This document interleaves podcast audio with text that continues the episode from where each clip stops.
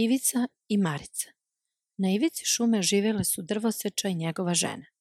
Imali su dvoje dece, Ivicu i Maricu. Porodica je bila veoma siromašna i često nije bilo dovoljno za jelo. Jedne večeri žena rekla mužu, sutra ujutru ćemo uzeti decu i odvesti ih duboko u šumu gde ćemo ih ostaviti. Neće moći da pronađu put do kuće tako da nećemo više morati da ih hranimo. Muž je zakukao jer to nije želeo, ali ga je žena ipak nagovorila. Ivica i Marica su čuli njihov razgovor. Šta ćemo sada, Ivice? Pitala je djevojčica. Čekaj, sestrice, imam plan, rekao je Ivica sa samopouzdanjem. Kada su roditelji zaspali, Ivica se iskrao iz kolibe i napunio džepove belim kamenčićima. Sledećeg jutra su ih roditelji zaista odveli u šumu. Dugo su hodali, ali je Ivica tajno svakih nekoliko metara bacao po jedan beli kamenčić. Duboko u šumi drvoseče je zapalio vatru za svoju decu i rekao im da će se kasnije vratiti po njih. Dan je prošao, ali se niko nije vratio. Deca su konačno zaspala, a kad su se probudili, bila je duboka noć. Marica se jako uplašila, ali joj je Ivica rekao za bele kamenčiće. Uzeo je sestru za ruku i rano ujutru su se vratili kući. Njihov otac je bio presrećen.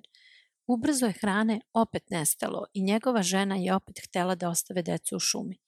Ivica je opet hteo da skupi kamenčiće, ali je žena zaključala vrata, tako da je ovaj put morao ići bez kamenčića. Ivica se dosetio da bi mogao da baca mrvice svog poslednjeg parčeta hleba na zemlju. Opet su decu bili ostavili pored vrata i opet su se probudila sama u sred noći ali kad je Ivica potražio mrvice, nije mogao da ih nađe. Ptičice su pojele sve mrvice. Deca su satima lutala šumom. Bili su gladni i žedni i hteli su da odustanu, kada su iznenada ugledali veoma posebnu malu kućicu. Kućica je bila od hleba, prozori od šećera, a krov od palačinki.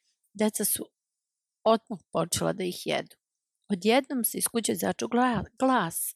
Gric, gric, ko gricka moju kućicu? A deca su odgovorila, vetar, vetar i nastavili su da jedu neometano. Onda su se iznenada vrata otvorila i na vratima se pojavila veoma stara žena. Uđite, deco, neću vas povrediti. Unutra su Ivica i Marica dobili još ukusniju hranu i dozvoljeno im je da spavaju na mekim krevetima. Starica je zapravo bila zla veštica, a deca su joj bila omiljena hrana.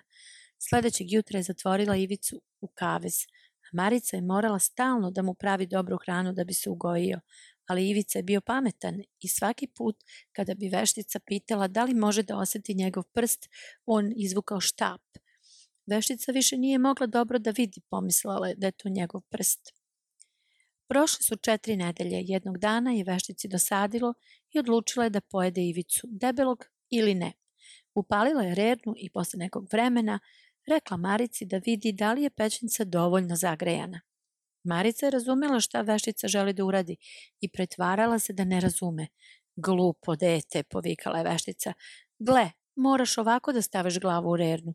U tom trenutku je Marica gurnula vešticu u rernu i zatvorila vrata. Ma, Marica je odmah oslobodila Ivicu. Deca su bila presrećna. Sada kada je veštica bila mrtva, dobro su razgledali njenu kuću. Bila je puno drago kamenja i bisera.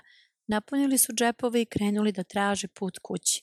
Nakon nekog vremena prepoznali su šumsku stazu koja vodi ka njihovoj kući. Potrčali su što su brže mogli do očeve kolibe. Drvesača je bio presrećen što su mu se deca vratila. Toliko su mu nedostajali. Žena mu je umeđu vremenu umrla sa svim biserima i draguljima iz veštičje kolibe, Ivica i Marica i njihov otac nikad više nisu morali da brinu o hrani do kraja života i živeli su srećno do kraja života.